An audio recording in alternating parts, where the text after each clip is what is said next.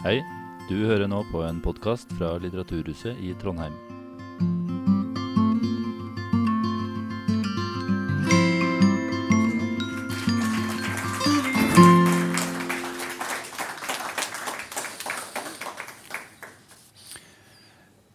Dette er veldig trygt for meg, fordi jeg kommer inn i klasserommet, og så får jeg stort sett blikkontakt med alle.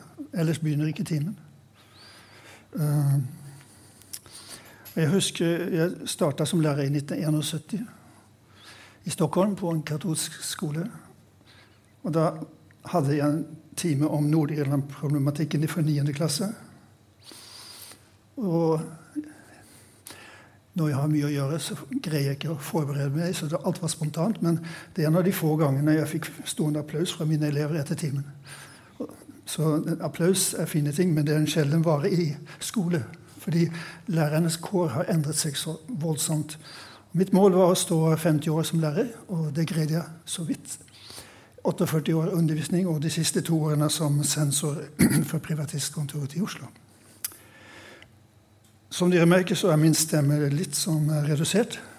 Den var fin frem til eh, mai 2014.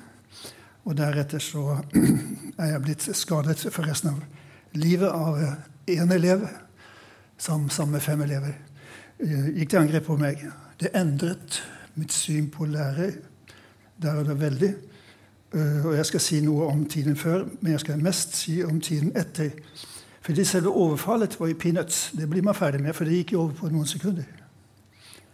Dessuten var den eleven som, og alle de fem guttene de var alle 18 år, myndige, og, og ruset. Men min arbeidsgiver var ikke ruset. Og jeg skal sette fokus på noe som øh, Og vise dere hva en arbeidsgiver kan finne på. Ja, det var liksom tanken. Um, men uh, siden vi er så få, så må vi få opp en litt, sånn, litt personlig stemning. Så jeg har lyst til å vise noen private bilder. Det er ikke noen rare bilder, men det sier litt om en annen tid. Jeg tror vi starter i Hilfersham, eller i rett, rett utenfor Hilfersham øst for Amsterdam. Jeg er nemlig hollender. Og syns det er fint å være hollender i Norge. For nordmenn er veldig greie. De syns hollendere er kule. Jeg sa at jeg var katolikk. Eller jeg vet ikke om jeg sa det, men jeg er altså katolikk. Og, og eh, i Nederland så tidlig på 50-tallet så var 60% av befolkningen reformerte kristne, og 40% var katolikker. De bodde sør for Rhinen. Men eh, disse katolikkene de fikk ikke bruke prevensjon. Og jeg er et resultat av det. da. Her sitter jeg. uh, I løpet av de første ti årene fikk min mamma tolv barn. Det var starten. Så her er eh, noe for alle dere som er foreldre. Dere kanskje ikke vet hva dette er. Jeg tror det heter grind på norsk.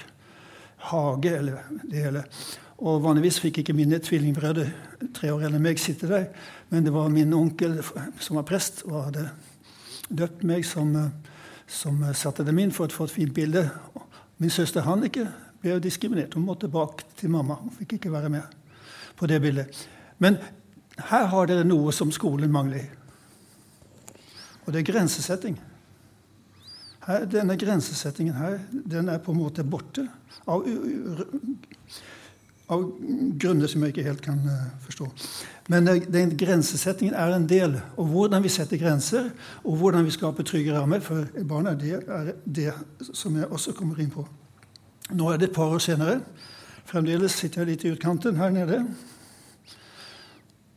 Dette er en katolsk prest fra Østerrike som sa mener at USA sa det her, her i, i, høsten 54. Eh, Han sa at for hvert barn min mamma får, så får hun en ny rose i sin himmelske krone. Det er et språk ikke dere skjønner. Det er Sånn snakker man ikke da. Men altså, min mamma fikk 15 barn. Og jeg er nummer 6. så her er halvparten på plass. Og um, dette er første tokt til Sverige. Vi bodde i skogen i en nedlagt bondegård ved siden av et skytefelt. Og min første jobb som treåring det var å samle ammunisjon brukt og ubrukt ammunisjon, for min pappa skulle selge det for metallverdien. da. Så jeg hadde en liten annen start på den måten. Og vi hadde ikke vann i huset her. Det var, det var måtte min mamma i skogen og finne en brønn som frøs om vinteren osv. Litt enkle kår, ikke Internett. Tilbake til Nederland. Og igjen, Jeg peker, tar frem dette bildet for de sier noe om skole. Dette er en førskole.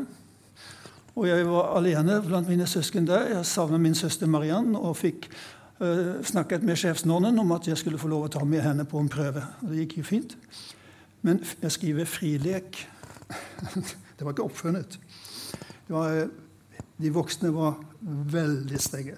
Det var sånn, sånn, sånn. Jeg sier ikke at det var mye bedre enn det er i dag, men rammene og, arrangementet rundt eh, det vi ble tilbudt som barn, det var både forutsigbart og veldig sånn Sånn er det. Jeg tror jeg aldri stilte spørsmål til noen ting, men vi var i gang. Og her ser vi en blivende kunstner i gang. Vi går litt videre. Vi er tilbake til Sverige. Og her er min folkeskolelærer, fra, og her er det å snakke svensk. Det var ikke snakk om å gå på svenskkurs. Det skulle skje på dagen. Dette, sånn gikk jeg omtrent hele året. Kortbukser. Og det sier noe mot innvandrere. Det er ikke så lett å skjønne hva svenskene, hva slags klær de har, for våre klær fikk vi stort sett gjennom gaver. Og ja, skilte meg ut på den måten der. Det var ingen som sa noe om det. Det var utenfor Stockholm. Så var dette en tredje og fjerde klasse. Eh, vi sang mye. Var, han var også kantor på skolen, eh, på, i kirken. Så vi hadde en orgel i klasserommet, og hver dag starta vi med å synge en svensk salme eller en fyllevise fra Bellman. Det var, det var liksom en blanding av det. Vi går videre. Dette er 50 år siden, ganske presist, i Aurland. Jeg er helt fersk som lærer. Eh, det var veldig vrient å bli, få en jobb som lærer. Jeg var tidlig kammerag. Og så få en jobb i eh, det var omtrent umulig. Og så oppdaget min to eldre bror Hans at her var det Sitter den på plass? Hører dere meg? Dere hører ikke hva jeg sier. Høflige folk her. Hører dere meg bedre nå? Jo, da var det sånn at jeg søkte hist og pist her og der, jeg og min bror, og tenkte vi må jo ha flaks på ett sted. Og så raste det inn med tilbud. Altså, Norge hadde nettopp skiftet over fra syv til ni år i skole. og Det var kjempestor mangel på lærere. Og eh, hva skal man gjøre når man får 15-20 jobbtilbud? Og Jeg kjente bare én fyr, og han bodde i Slottet i Oslo. Andre nordmenn kjente ikke jeg. Og Da tok jeg frem et nedbørskart og plasserte alle jobbene mine på et nedbørskart. Og valgte Aurland i Sogn. Ligger i regnskyggen. Og fantastisk uh, hyggelige mennesker. Hissige mennesker. Like hissige som jeg, som rødhåret. Ja. Lærerværelset var på 15 kvadrat. 20 sogninger som skulle dele på det. Og de yngre lærerne de røykte voldsomt. Etter hver time så var det en ny sigarett. Det var jeg og min uh, kollega Aslak ganske irritert på, så vi kjøpte inn noen heftige sigarer. Begynte å dampe den. Og deretter så fikk vi læreråd på at vi skulle slutte. Læreråd det var en av de tingene Jeg kommer til å si en del om Hører dere meg nå?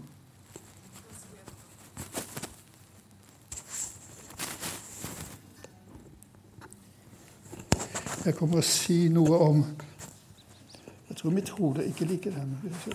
Jo, jeg skal si noe om en rekke ting som gjør at selve lærerrollen forvitrer. Vi hadde noe som het lærerråd fram til 1994. Da ble den fjernet med et pennestrøk. Så vi lærere hadde innflytelse på vår arbeidsplass. Det var veldig fint. Jeg kaller den tiden i Aurland for eh, pedagogisk, et pedagogisk paradis. Alle tiders. Eh, da var det slutt på røykingen på, de 15 kvadratmeterne. Eh, forleden dag leste jeg Aftenposten om en ordfører i Aurland, som var med kronprinsen i kongevognen fra Flom til Myrdal og tilbake. Med kjede og det hele. og Jeg tok kontakt med han etterpå. Det var fint bilde av han og kronprinsen. Og syntes han hadde jobb, gjort en fin jobb, for det var i min elev Trygve fra 6. klasse. Som nå hadde tre hjerteinfarkter allerede og var på vei å bli pensjonist. det er en stor gave. Jeg har hatt 6000 elever. Det er en stor, stor gave å ha sånne mennesker rundt som man husker, og de husker det også. Det går begge veier. Det er noe med at læreren og eleven lager en slags pakt, avtale, relasjon som mange ganger er veldig, veldig sterk. Og Som ofte så starter jeg første spørsmålet med Lisa eller hva det kan være, 30 år senere. 'Husker du hva jeg het?' Ja, selvfølgelig. Og så også hvor du satt. Det er noe med at det blir på en måte ens egne barn. Her har du to av mine kolleger som får disse barna på oppstilling. Her er Landsfjorden i bakgrunnen. Storskolen fra 1934 til høyre. Og ja Det var en organisering vi stilte ikke noe spørsmål. Vi hadde alltid ledelsen i ryggen. Skolestyrer, som han, han ble kalt.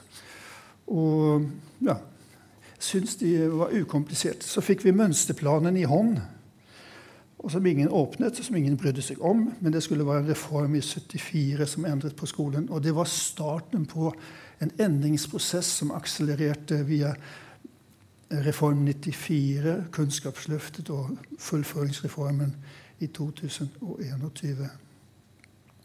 Vel, påkledningen er ikke helt den beste for en skidag, men elevene var veldig selvstendige, og det var flotte avbrekk i hverdagen. Men her skjer dere en klynge elever. De folkene her de er født i 1961. Her sitter de i Nærøyfjorden og skal fiske. og Vi hadde en uke i Dyrdal som var avfolket. Skolehuset var tomt. Jeg og min kollega dro dit med klassen en uke uten kontakt med noen. Vi fisket maten i fjorden. Vi gikk på fjellet og ordnet eh, med andre ting som man kunne spise. Det var en helt vanlig uke. Vi bodde i telt ved siden av, og vi starta dagen med inspeksjon. Og inspeksjonen det var jo det at vi skulle sjekke om eh, det var orden i teltet. Til onsdagen kom. For da var det en av jentene som sa Lærer, skal vi ikke ha inspeksjon i lærernes telt? Og det hadde ikke vi tenkt på. Så vi skåret veldig dårlig. Det var den litt familiære, litt sånn fine tiden fram til mai 2014. Fordi jeg hadde personlig aldri sett elever angripe lærere. Har aldri sett, Jeg har undervist i 44-43 år. Tenkte ikke tanken. Trivdes veldig godt. Men så skjedde noe dramatisk. Her har du Oslo rådhus, og der ligger jeg. Og nå endrer seg mitt foredrag, og nå blir det alvorlig. Når det er alvorlig, så må man ta en liten sløyk øl så at stemmen bærer. Min advokat, som jeg fikk tak på, eller som engasjerte, Torkel. Det viser seg at jeg hadde i skoleåret 1980-81 på St. Sunniva skole i Oslo. Der gikk det en liten gutt i første klassen som heter Torkel. Jeg hadde ikke første klasse, jeg hadde femteklasse der. Men Torkel han ble min advokat, og det viste seg at vi hadde gått og trasket på de samme trappetrinnene et helt år. i 80-81.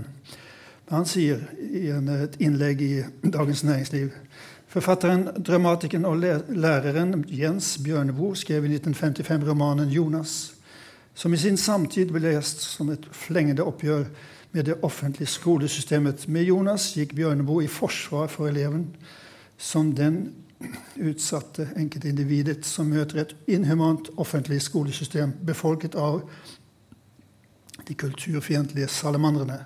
Dersom Bjørneboe hadde levet og virket i dag, er det ikke utenkelig at han ville ha kommet med en ny forlengende kritikk av skolesystemet, men denne gangen tatt lærerne i forsvar. Og hvordan det? Hvordan kommer dette? Det er et skjematisk bilde over ledelsen i Oslo. Norges største etat, Utdanningsetaten. 17 eh, 000 ansatte, snart 18 000. 30 direktører. Hvordan var det i år 2000? Da hadde vi én skolesjef og ingen direktører. Eh, rektorene de møttes, og skolesjefen var en slags sekretær som førte, skrev protokoll. Og, skole og rektorene diskuterte mellom seg om eh, ting som var aktuelt av planer og endringer, praktiske ting, ideologiske ting osv. Det ble et stort skifte år 2000 med en ny, skole, med ny skolesjef. Dette koster penger. Dette fører til veldig mye direktiver, føringer, beskjeder. Veldig mye skal dit, skal datt. Og ved siden av dette så vokste det noe annet, nemlig Utdanningsdirektoratet. hadde vi ikke før. Vi hadde noe som heter eh, Kontoret for videregående opplæring. Nei, Rådet for videregående opplæring. Og tilsvarende for grunnskolen, med noen ansatte. 300 ansatte de skal lage eksamener, og vi har jo sett hvordan de eksamene har gått de siste årene. Ikke særlig bra. Men det er også en slags overbygning som lesser ned lærerne med administrative ting og planer og testing særlig. Som stjeler tid fra vår hovedoppgave om å være til stede der og da for elevene. Fra årsrapporten i 2022 så er alt på stell. Og det var det som møtte meg etter overfallet på meg. At for oss har vi alt på stell. Vi gjør alt riktig. Og vi kommer å fortsette å gjøre alt riktig. Og vi kommer ikke å endre oss. Så her eh, så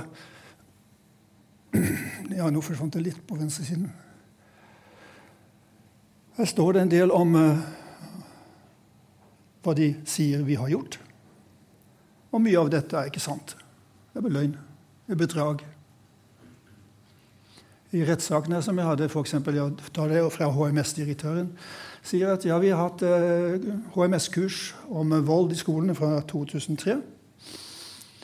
Jeg fikk tak i et dokument som viste at kurs, de kursene de begynte etter at jeg ble overfalt. Litt forsiktig. Det eneste HMS-kurset jeg husker, som jeg har vært igjen, det var faktisk i Aurland. At vi tok et brannslukningsapparat og tømte det på fjorden. Altså pulveret. Ellers så var det ingen som var interessert. Og brannøvelser et par ganger. Ikke hvert år, men sånn vi visste hvor vi skulle være hvis det begynte å brenne.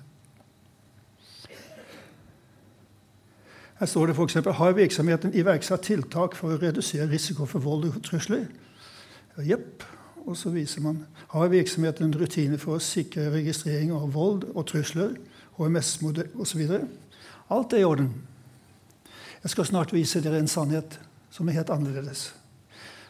Og Det fine med å gå til rettssak er at man må dokumentere. Man kan ikke bare si noe. Man skal kunne bevise.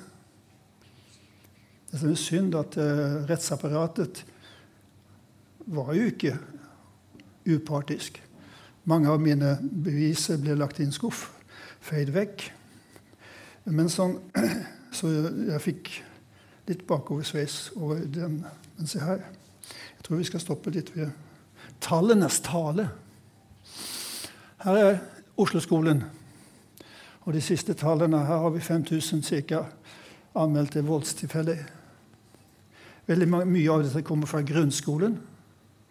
Og det er der jeg sier at de elevene som tar med seg saks og kniv eller stein i klasserommet osv., det er noe med deres regulering hjemmefra som har gått feil.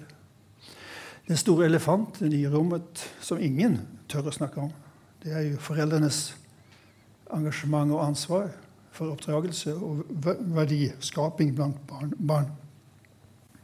Men se i starten her, da.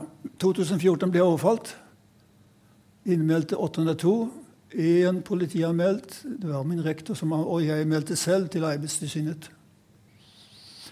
Det er straffbart hvis du driver et firma, en aktivitet i Norge, og det skjer en skade.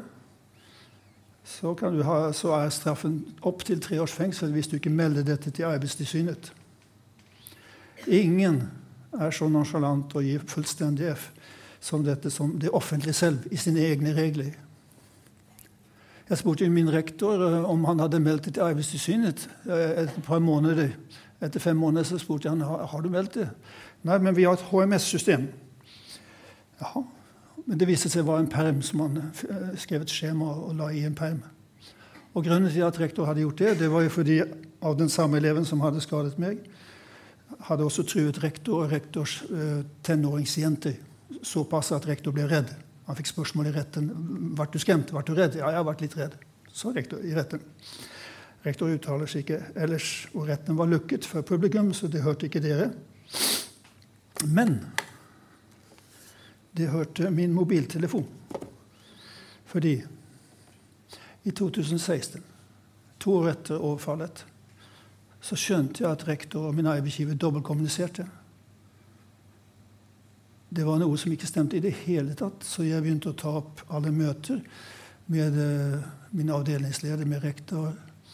Men også rettssakene. Det tok jeg opp på lyd.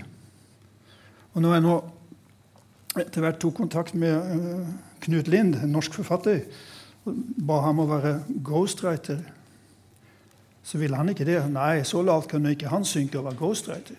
Han hadde skrevet om Obama og Mohammed og om Hitler. Han skulle ikke skrive noen ghostwriter. Men så var det noen i hans vennekrets som begynte å spørre ham hvem denne Clemens Sars egentlig er, om han kjente meg. Jo, han kjente meg litt. Når han skjønte de spørsmålene der, så skjønte han at det kanskje er et marked for en bok. Og da begynte jeg å samarbeide med Knut om uh, materialet mitt. Han fikk adgang til 100 timers hemmelige lydopptak. Og Høyesterett har gitt meg lov og rett til å gjøre det. Det er ikke kriminelt av meg å ta opp i en situasjon der du ikke på noen annen måte kan sikre informasjon om deg selv, så kan du ta opp eh, Så skal, trenger du ikke varsle. Og det gjorde jeg. Så Knut sier at denne boken kunne jeg aldri skrevet. Første del om eh, min oppvekst. Det jeg fortalte Knut, det trodde han ikke på. Så da måtte jeg engasjere mine søsken, slik at de kunne bekrefte det jeg sier. Så ble det en første del av 100 sider her. Og så andre delen her. Det handler om skolen i endring i Norge fra 1973 til 2021. Og det er sett fra en lærers ståsted bak katederen. Her kommer jeg innom alle de endringer. Jeg kommer innom f.eks. det her med at karakterinflasjonen i Kunnskapsløftet i 2006 så fjernet vi null. Det var ikke lov å kalle noen en null i dette landet mer. Men det førte jo til at karakterene ble 17% flyttet på. Uh, vi har det her med ord. Ordet er makt, ord er farlige. Men når skolesjefen begynner å blande seg inn hvilke ord vi bruker som ansatt Vi fikk f.eks. ikke bruke ordet vold. Fordi skolesjefen sa at vold forekommer ikke i, sko i Oslo-skolen. Oslo-skolen skal eksporteres som en suksessoppskrift til andre kommuner. Så i stedet for å bruke ordet vold, så fikk vi til nød bruke 'uheldig episode'. Så når jeg nesten var drept og ekspedert til herligheten, så var det altså en uheldig episode. Altså man eh, bagatelliserer det som uh, i, ellers i samfunnet ses på som meget alvorlig. Klasseforstander, det ordet fikk vi ikke bruke. Fy og fy. Nå skulle du ha klassekontakt. Og klassekontakt eh, det har jo ikke samme verdi som omsorgsperson, som en klasseforstander. Eh, klasse fikk vi heller ikke bruke etter 2006. Ord klasse var fy, fy. Og så tenkte jeg at her er det altså tusenvis av pedagoger i Oslo som føyer seg etter sånne direktiver av hvilke ord vi kan bruke i vår munn. Jeg syns det var veldig spesielt. Som tillitsvalgt og de fleste av de årene her så var jeg ikke en som kunne sitte stille i båten. Så skolesjefen merket seg nå at uh, vi hadde noen uh, problematiske lærere der ute. Simon Malkenes var én, og jeg var en annen. Og vi ble jevnlig tatt opp på mandag, morgen, mandag morgens møte hos skolesjefen. Hva har de funnet på nå? Og så mm, Når selve angrepet kan dere På min hjemmeside klemens.sars.com så kan dere gå inn på media og 31. mai 17 hvis dere vil høre meg snakke om det. For det er for tøft for meg å gjennomføre. Det går ikke. Det greier jeg ikke. Og det er ni år siden det skjedde, men min kropp får ikke det til. Og så under, på det opptaket på Ekko så måtte vi ta det pø om pø for at, eh, for at, skulle få, at det skulle bli et, et opptak. Det handler skummelt Vi skal andre veien. Nei. Ganske snart så, etter overfallet, så snur arbeidsgiveren opp og ned på virkeligheten min. Fordi jeg må vekk. Jeg har et omdømmeproblem. Fysisk vekk. Det sa man ikke, men det gjorde man alt man kunne. Først ved å bagatellisere drapsforsøket, og deretter å fjerne alt som hadde med meg å gjøre på skolen. Jeg var sykmeldt, og dermed så jobbet man med å slette eksistensen av meg. Som jeg sa, eh, det ble omtalt som en uheldig episode i MBU. Slik kunne man framstå så at man hadde en plettefri fasade. Og slik kunne man indikere og fortelle at det var flere parter i konflikten. Den første som møtte de elevene som var igjen i klasserommet etter at jeg prøvde å hente hjelp hos eh, rektor, det var min uh, avdelingsleder som kom til de vetterskremte jentene fra forskjellige land og ba dem om å ikke snakke med noen om dette de hadde opplevd. De fikk ikke snakke med lærere, de fikk ikke snakke med noen. Og de ble forklart at hvis de gjorde det, så ødela de for skolen. Og de ødela fortellingen om handelsgym, slik at vi fikk færre søkere. For vold skulle ikke knyttes opp til handelsgym. Den ene jenten kom fra Libya, fra Derna. Det var første bombene som Norge var med å kaste på Libya. Det havna i Derna, på nabohuset til en av jentene som redda livet mitt utsletta hele familien og huset. Hun hadde seks småsøsken som hun greide å ta med seg over grensen i Egypt. Komme til Norge. Hun opplever dette et par måneder etterpå. Får sjokk. Trodde Norge var et trygt sted. Har nettopp opplevd bombingen i Derna. Og gjemmer seg. Den andre jenten som redda livet mitt, hun, eh, hun ble truet, begge ble truet av de fem guttene som angrep slik at de turte ikke være på skolen. De andre jentene forsvant til Møre og Romsdal en lengre tid. Hun fikk senere en pris av den amerikanske ambassadøren for heltemodig oppførsel. Hun redda mitt liv. Og de to jentene er nevnt i boken. For når dere sitter her, så har dere to mennesker som har, dere kan takke for livet. Jeg har fire. Min mor, min far og de to jentene som gjorde at jeg kan stå og fortelle denne historien for dere i dag. Dette er Børge Skåland, som jeg fikk kontakt med. Eh, og som har forsket på dette, og som la fram her i Trondheim en doktoravhandling om eh, vold i skolen og den vold som rammer lærere. Hvorfor blir man så alene? Hvorfor står man så alene? Hvorfor snur kolleger og går vekk når de ser en? Fordi jeg fikk jo beskjed at det var jeg som hadde overfalt eleven. Så historien min ble snudd 180 grader. Og mine kolleger tror fremdeles på Handelsgym, til tross for at det har vært rettssaker om, om, hva som skjedde, at det var jeg som angrep eleven som knekte strupehodet mitt. Børge han sier at uh, hvorfor er det sånn kultur for å feie ting under, under, teppet? Han mener det er to forhold som uh, han peker på. Det er troen på en rettferdig verden. Når noe vondt skjer med en annen menneske, blir verden også uttrykk for oss ved å si at det var noe feil ved den andre som forårsaket hendelsen, gjenopprettes tryggheten og balansen i eget liv. Teorien kalles for troen på en rettferdig verden. Den fungerer som et selvforsvar for å kunne leve med situasjonen. Det samme har vist seg i voldtektssaker og andre voldssaker, der offeret ofte klandres av sine egne. Jeg kjenner meg veldig godt igjen i dette med uh, de første ukene, månedene etter overfallet. Når jeg våkna om natten klokken tre-fire, så tenkte jeg To tanker. Har det skjedd? Drømmer jeg? Har det virkelig skjedd? Det andre var hva var det med meg som gjorde at det skjedde? Og det er akkurat samme spørsmål som uh, voldtektsrammede jenter uh, kjenner seg igjen i. At de bereder seg selv. Og så omdømmet, da. I Oslo-skolen og mange andre fylker følger pengene elevene gjennom et fritt skolevalg og stykkprisfinansiering. Skolens økonomi påvirkes derfra av opptaksmodell og elevenes innsøkning. Dermed blir det også svært viktig for skolen å fremstå i et positivt lys. Dårlig omtale rammer både skolens pengesekk og hvor attraktiv skolen er som arbeidsplass for flinke lærere. Og det er nå engang sånn at lærerne i både Norge og Sverige For jeg syns Sverige og Norge er veldig like akkurat nå i problemet. Det er at uh, lærerne har en slags hemmelig kodeks på at alltid har kontroll over sin klasse. Og mister man kontrollen, med vold f.eks., så snur kollegene ryggen til en. Da har man mislykket som lærer. Så det er en eh, knekk som skjer for den lærer som opplever dette. Skåland forteller om, og han har samlet inn mange eksempler på vold, de tusenvis av voldsepisoder som skjer i landet hvert år. Eh, der man får beskjed om å enten komme seg vekk, skifte jobb eller dempe seg. Eller man blir frosset ut. Så når jeg kom på lærerværelset, så gikk mine kolleger. Når jeg skulle gjennom en dør, så fikk jeg en dør i ansiktet.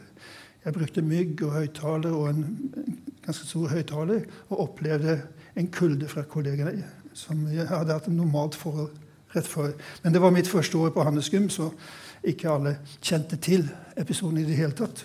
Fikk jo aldri vite noe, for det ble en taushet knytta til det. altså.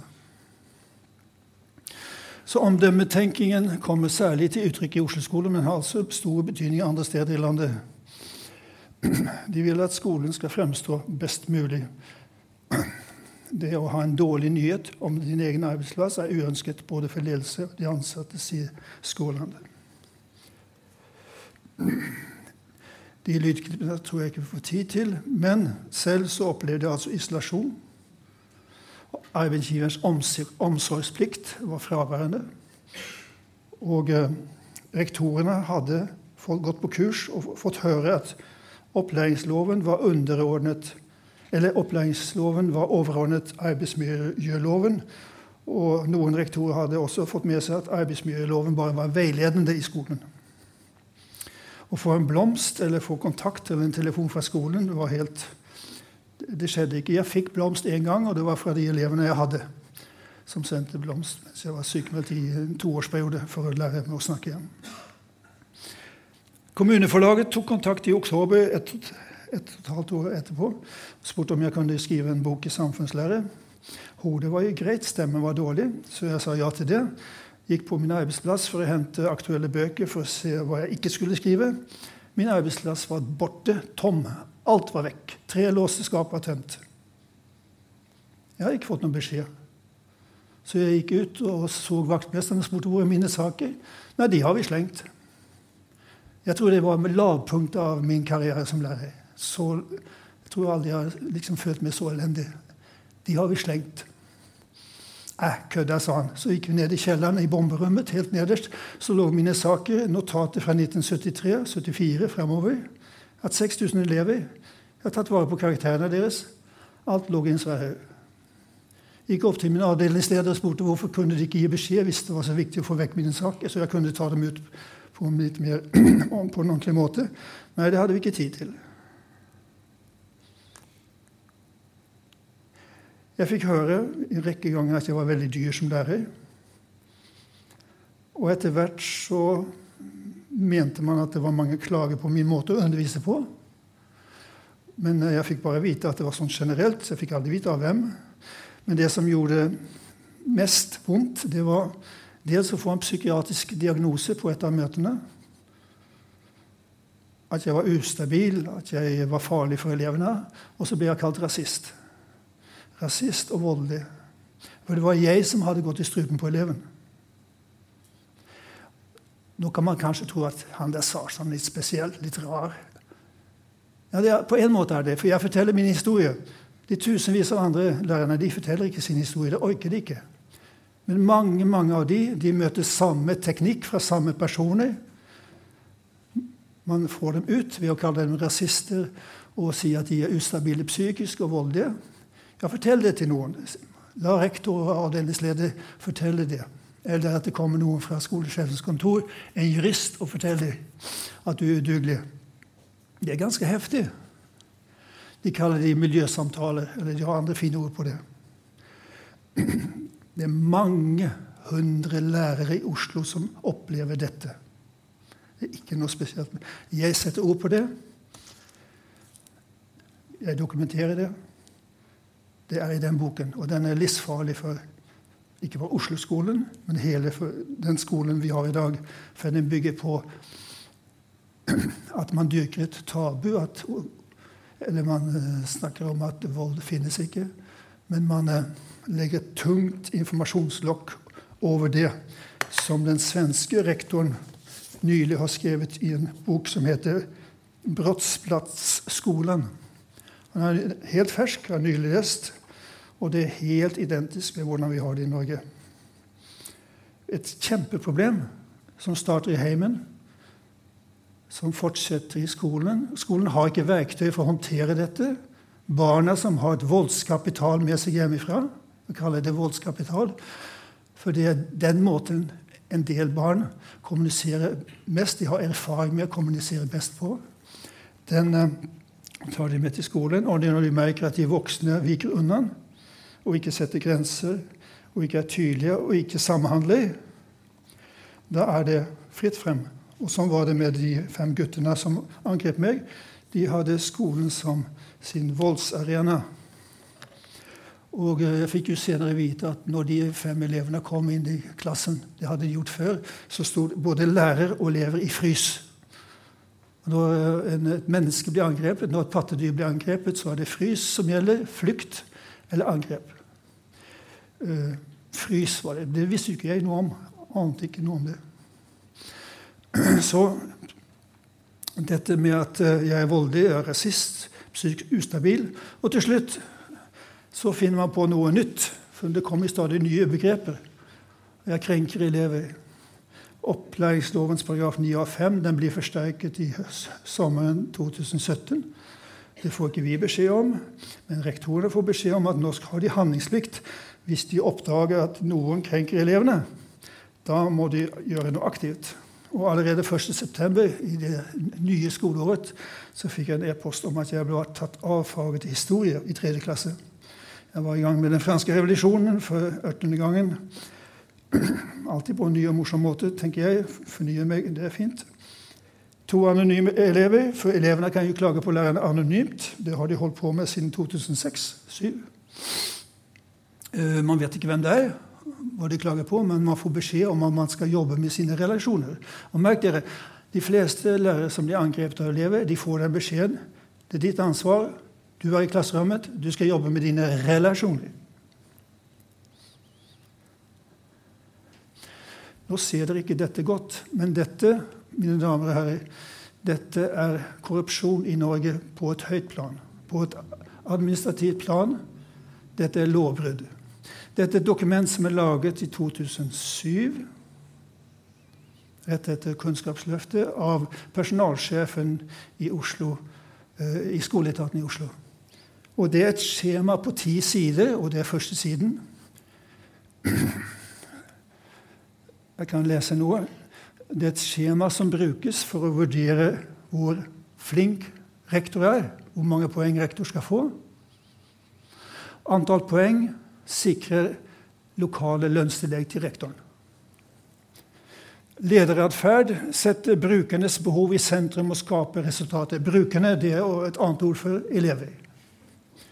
Viser lojalitet overfor elever og foresatte i situasjoner der hensyn til medarbeidere og egen organisasjon ikke samsvarer med brukerinteresser. Viser årvåkenhet i forhold til samarbeidspartnere osv. Hvis du scorer mitt portrett, så kan du dokumentere minst ett større eksempel der elever og foresatte er blitt prioritert foran organisasjonsinterne hensyn, personalets egen interesse. Ja, det er tåke. Det står her at hvis du ikke støtter læreren, hvis du ser bort fra de ansatte, som du er faktisk arbeidsgiver for, men støtter elever i alt, da får du tre poeng. Fem poeng får du hvis du kan dokumentere at hensyn til elever og forutsatte interesse er styrende for all virksomhet. Og i Det som skjedde i 2007, når jeg var tillitsvalgt Jeg oppdaget plutselig at jeg måtte være sammen med kolleger hos rektor. At jeg hadde skåret seg av en og filleting med en elev. Elever fikk alltid rett. Og jeg skjønte ikke noe. Vi hadde jo ikke skiftet ut rektor. Rektor oppførte seg helt annerledes. Og så jeg, overhørte jeg fra elever som uh, var stolte av at de hadde lykkes skifte ut tysklæreren sin med en annen. Jeg var for streng med karakterene. Andre grunner. Ved å gå og klage anonymt på den læreren. Which var den læreren ute. Da begynte jeg å se et mønster, at elever begynner å shoppe lærere. Og Hvordan kan en lærer stå imot det? Ja, De må jo sette opp karakterene. Men ingen i Oslo-skolen, verken rektorer eller lærere, fikk vite om dette skjemaet. Dette er føringer som fra skolesjefen Hvis du støtter elevene i ett og alt, så går det deg godt. Og Derfor så skiftet jo min rektor. For Han ble jo i starten truet. Han trodde jo på at det, første dagen så skjønte han at det var et voldsepisode mot meg. Etter en uke så var det jeg som var problemet. Da var det jeg som måtte ut. Og Den historien fortalte han til min tillitsvalgt. Den historien gikk til mine kolleger. Den historien gikk til mine elever, som etter hvert begynte å bli redde for meg som lærer. For jeg var en voldelig lærer som gikk i strupen på elever. Det visste jo ikke jeg. Jeg skjønte ikke. Jeg så i kroppsspråket til mine elever. Denne, denne versjonen her er fra 2009. Denne har jeg fått tak i av merkelige veier i forbindelse med at jeg forberedte en rettssak. Dette er en av bevisene som ble lagt til siden av dommeren som uinteressant. Og sånn er det i skole etter skole, ikke bare i Oslo. Oslo. Det, sånn er det i veldig mange steder. På, plan, på rektornivå så får læreren ingen støtte. Glem det. Og de skal være glad hvis de får støtte fra egne kolleger.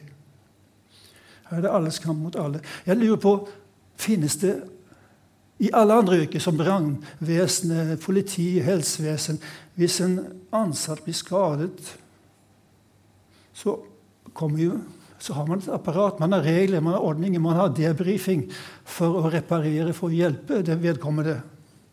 Men det motsatte skjer hvis du er lærer. Er det rart at lærerne flykter fra jobben?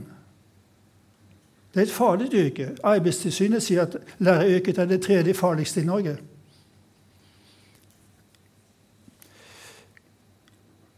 Jeg glemte å si i starten at hvis jeg kunne fortelle å stå her fram til 2014, og hvis jeg hadde vett og forstand å slutte da som lærer, så hadde jeg fortalt en helt annen historie. Jeg har veldig my mye stoff om det fantastiske med å være lærer. Men det, har, det er ikke temaet i dag. I dag har vi en situasjon der lærerne i Sverige og Norge har det veldig ille, har det veldig utrygt og står veldig alene. Da skal jeg ta, hoppe over, fordi jeg gikk ut i sak.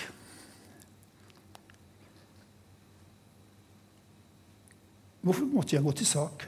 Jeg er en sånn kranglefant. Man uh, lærer jo å krangle hvis man har mange søsken, men man lærer også å holde kjeft. Det var jo sånn at Jeg gikk jo til skolesjefen med Knut Lind og spurte hvem har ansvar for dette. Og som Marte Gerhardsen sa, at nei, ansvar det kan de ikke ta. Det finnes ikke ansvar hos oss. Nei, det, Vi har veldig fine ordninger med at sånt ikke skal skje. Det er leit at det skjedde, for det var veldig leit. Men altså, det er min arbeidsgivers følelser jeg ikke er så veldig opptatt av. Men ansvar kunne de ikke ta. Også dette med at arbeidsmiljøloven ikke skulle gjelde. Da hadde jeg to grunner til. Og hvorfor skal ikke lærerne få vite om farlige elever? Da er det flere grunner til å ta saken til retten. Og så sier min advokat det kan du ikke. Du må kreve noe. Ok, da så krev en oppreisningssum, da. Fordi jeg ikke fikk et øre i oppreisning. Fordi mine beviser i stort sett ble lagt vekk av, av dommeren. Så måtte jeg betale 1,7 millioner. Men heldigvis, med 6000 elever og en bunch med søsken, så fikk jeg tilbake 1,1 millioner i kronerulling. Men sånn skal det jo ikke være. Retten slår fast i tingrett og lagmannsrett at læreren skal vite om vi har utagerende elever som er så farlige at de skader folk, eller har skadet. Min uh, rektor den gangen han er nå forfremmet til direktør, ansvar for alle videregående skoler. Han sa i retten at han kommer fortsatt til å være taus og ikke si noe. Uh, arbeidsmiljøloven ja, den gjelder fullt og helt ut for lærere, måtte retten skrive og si i tingrett og lagmannsrett. Tror dere at noe har endret seg? Av de 30 direktørene har lært noe som helst? De fortsetter i samme bane skjer ingenting. Så da tok jeg saken til retten, og jeg vant i sak, men tapte økonomien. Det står her. Det jeg sa nettopp. Så dommen i Borgarting lagmannsrett har forbedret lærernes rettsvern og sikkerhet i det daglige arbeidet, mine damer og herrer, over det ganske land. Tror dere Utdanningsforbundet eller noen andre fagforeninger har sagt takk? De er tause. De oppfører seg på samme måte som arbeidsgiveren. De nuller med Gud. Når regningen har mine søsken og 3300 borgere, mange av dem tidligere elever fra Bergen, som jeg hadde på 70-tallet, eh, tatt. Og der er regnskapet for det. Så oppdaget jeg ved en tilfeldighet en liten spirrevipp på rådhuset som var medlem av Høyre. Mehmet fra Tyrkia, fra Dirbarkyr. Og tenkte, oppdaget han, og så tenkte jeg men han var jo min elev for, eh, på privatisten. Han er jo muslim, men han fikk spørsmål på, eh, om Den hellige ånd. Og, det, og, han kom uten hjelpemidler og brukte ikke tid på å forberede seg. tenkte dette går dårlig. En glimrende besvarelse, så jeg ga han karakteren syv. Da kom han inn på jussen og ble ferdig, og så gikk han inn i Oslo kommune. Jeg oppsøkte han og leverte og presenterte noen av de brevene. Det er så Marte Gerhardsen sier at jeg, eh, vi prøvde å inngå en avtale med Clemens. En minnelig ordning. Vet dere hva det var? Jo, jeg skulle si opp meg selv. Jeg skulle få blomster hvis jeg sa opp meg selv. Jeg skulle få 50 000 i oppreisning. 50 000 for advokaten og 50 000 for helsespørsmål. Bare den da, ene dagen å sitte og forhandle om dette kostet 55 000. Uh, det var et hån. Og så så man i bystyret si at han sa seg vanskelig. Han ville ikke ta imot vårt, eh, vårt rause tilbud. Men de sa ikke hva tilbudet var. Altså, jeg skulle henrette meg selv. Ja. Mm. Men de borgerlige de hadde flaks her, med Mehmet i spissen. For Rødt syntes jo dette var totalt urimelig. Og Rødts representant jobbet som i Oslo-skolen uh, for en barnehage. Hun kjente saken, så hun støttet opposisjonen. Og dermed så Det er greit at hele bystyret beklager voldshendingen, det kan jo alle gjøre, men de beklaget også måten jeg har blitt behandlet på av dette Oslo kommune. Og ser dere at Nå har jeg snudd tegninga opp og ned. Nå er det jeg som flyver ovenpå deg. Det kjennes mye bedre. Jeg søkte etter hvert, eller krevde etter hvert 250 000 i oppreisning.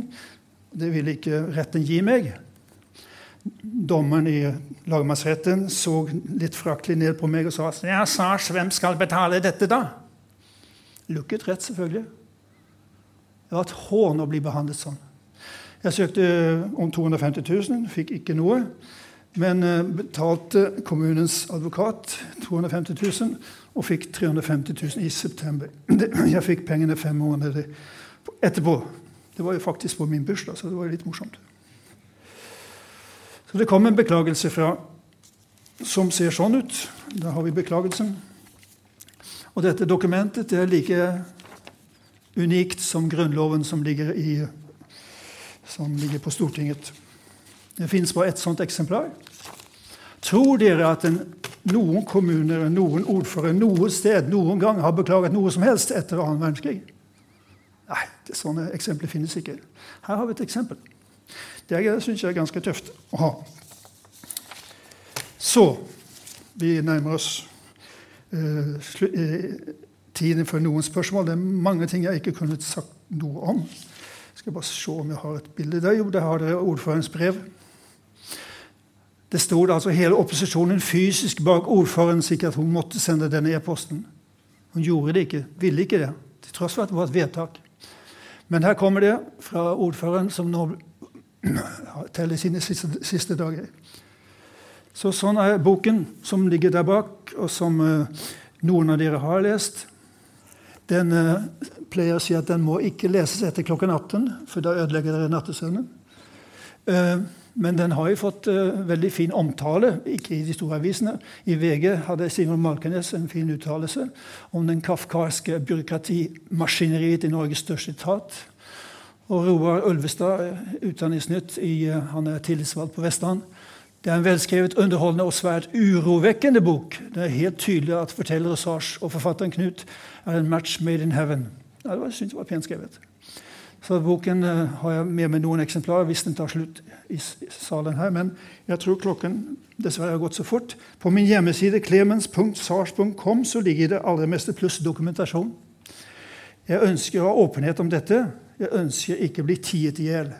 Da blir jeg bare litt hissig og enda mer på at uh, det, mitt budskap skal ut. Lærerne som, jobbe som, jobber i skolen, gjør en kjempejobb, men de skal ha en trygg arbeidsplass der de kan stole på sin arbeidsgiver. Arbeidsgiveren vil dem vel til enhver tid.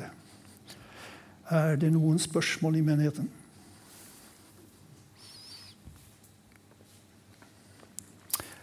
Vær så god. Ja.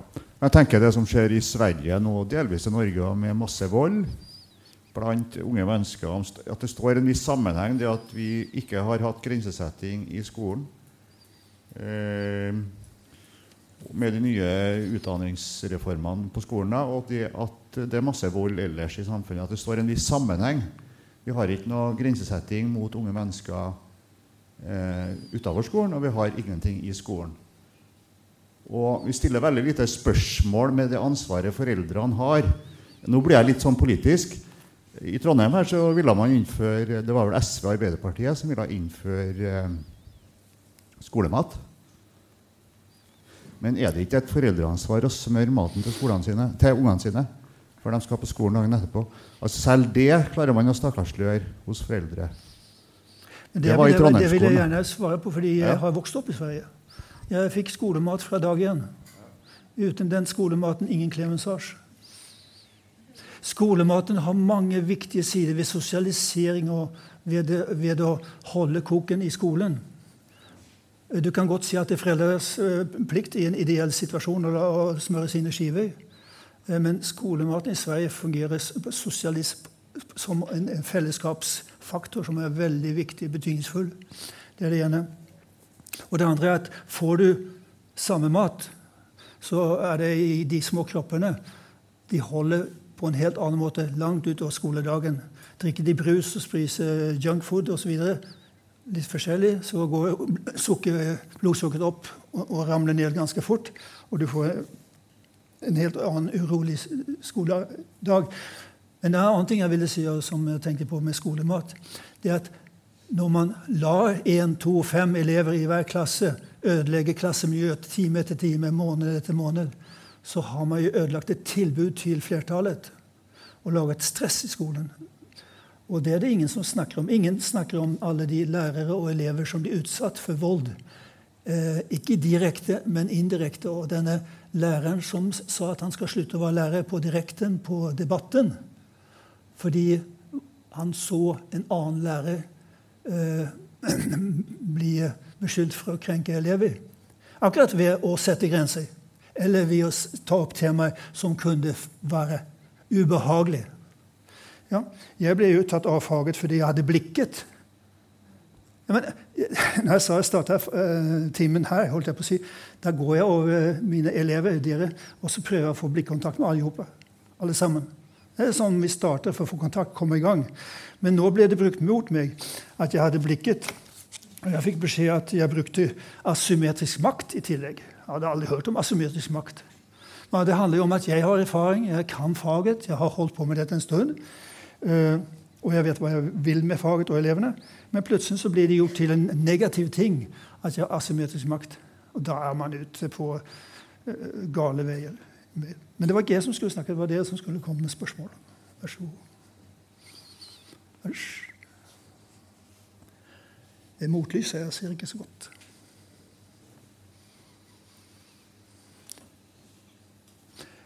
Ja Det er noen som spør hvorfor jeg ser sånn ut på forsiden. Det er to, to ganger i, i, en skolehverdag jeg ser sånn ut. Det ene er når elevene kommer for seint. Det andre er når elevene ikke har gjort leksen. Jeg tror nemlig at lekser har en stor betydning for å få eh, mest mulig ut av timene. Å komme forberedt til en time for en elev det blir et helt annet innhold for den eleven. Og da vil jeg avslutte med en liten hyggelig uh, en liten historie fra akkurat en historietime. For vi gikk uh, for 25 år siden over fra eldre til nyere historie. Da hadde vi et skifte ved 1850. Nå har vi et skifte ved 1750. Frem til 1750 i andre klasse og, og etterpå i tredje klasse. Og nå, Før var fristen at, endringen 1850. Så Første time historie i tredje klasse. Mine damer og herrer, 1850 det var det mest kjedelige året som noen gang er oppfunnet, sa jeg. Det er ikke utrolig hvor kjedelig folk hadde det. Det var forferdelig fra dag én. 1. januar. Det ble ikke bedre ut i juni. De jobbet, og folk skjedde. Det skjedde ikke noe som helst. Dere kan ikke finne en bok der som påviser at det skjedde noe i 1850, sa jeg. For å liksom få opp en stemning at historie er spennende. Skape litt sånn. Så da, etter hvert så gikk vi over til 1851, for da var det mye mer som skjedde. Hva skjedde en uke senere? Samme time. Da kommer Pål. Lille Pål kommer. Han er ikke vokst ut ennå. Han går i tredje klasse videregående skole. Noen gutter litt senere. Lærer. Ja. Du, 1850. Og dette var før Internett og Google og dette var før Wikipedia. Du, 1850. Det skjedde faktisk noe i 1850. Å, sier jeg. Ja, du skjønner, Jeg har funnet ut at Galdhøpiggen ble besteget det året. Det er jo en drøm for en lærer å ha en sånn situasjon. Og for mine IT-elever fra 90-tallet, når det gikk veldig fort med IT-utviklingen, og lærerne hadde kjempeproblemer med å henge med i svingene, så sa jeg til mine elever at hvis jeg har en time med dere, og jeg ikke lærer noe fra dere i den timen, da skal dere vite at det er en dårlig time. Og gjett om det trigget elevene. Og gjett om jeg blir flink i data. For alt det som skjedde i 90-årene med Hva heter det? Ja, dere dere som husker den tiden mellom kampen mellom Apple og vanlige PC. Det var en spennende, stor endring. I boken kan dere lese om noe som jeg har måttet holde kjeft om i 30 år, 25 år. Og Det er en historie om at jeg ble oppringt i 1996 av CIA. Jeg hadde bygget opp verdens største intranett sammen med mine elever.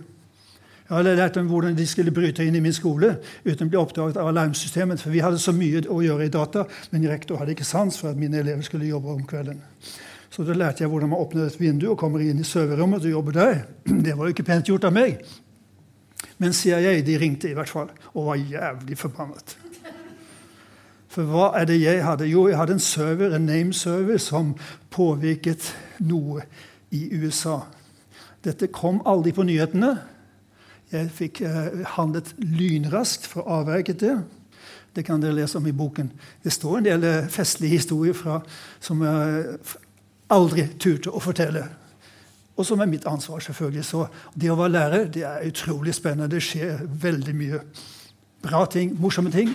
Men dessverre de siste 10-15 årene så har det blitt mye som er ødelagt av det bildet. Det må vi rette på. Det må vi fikse på. Og jeg sier til mine sønner at ja, nå er jeg nettopp 72, at jeg har mye å gjøre fram til jeg er 106, og deretter skal jeg bli vanskelig. Og Det tar de av nota. Jeg har to sønner som foreløpig får gå fri for det. Tusen takk for at jeg fikk lov å komme til hovedstaden. Jeg ser det som den trønderske hovedstaden. Er her, det, her er folk eh, av en annen type. Jeg var her for 25 år siden og underviste i EDB og, og ulike fag på ulike skoler i, Trondheim og på Støren og i Nord-Trøndelag.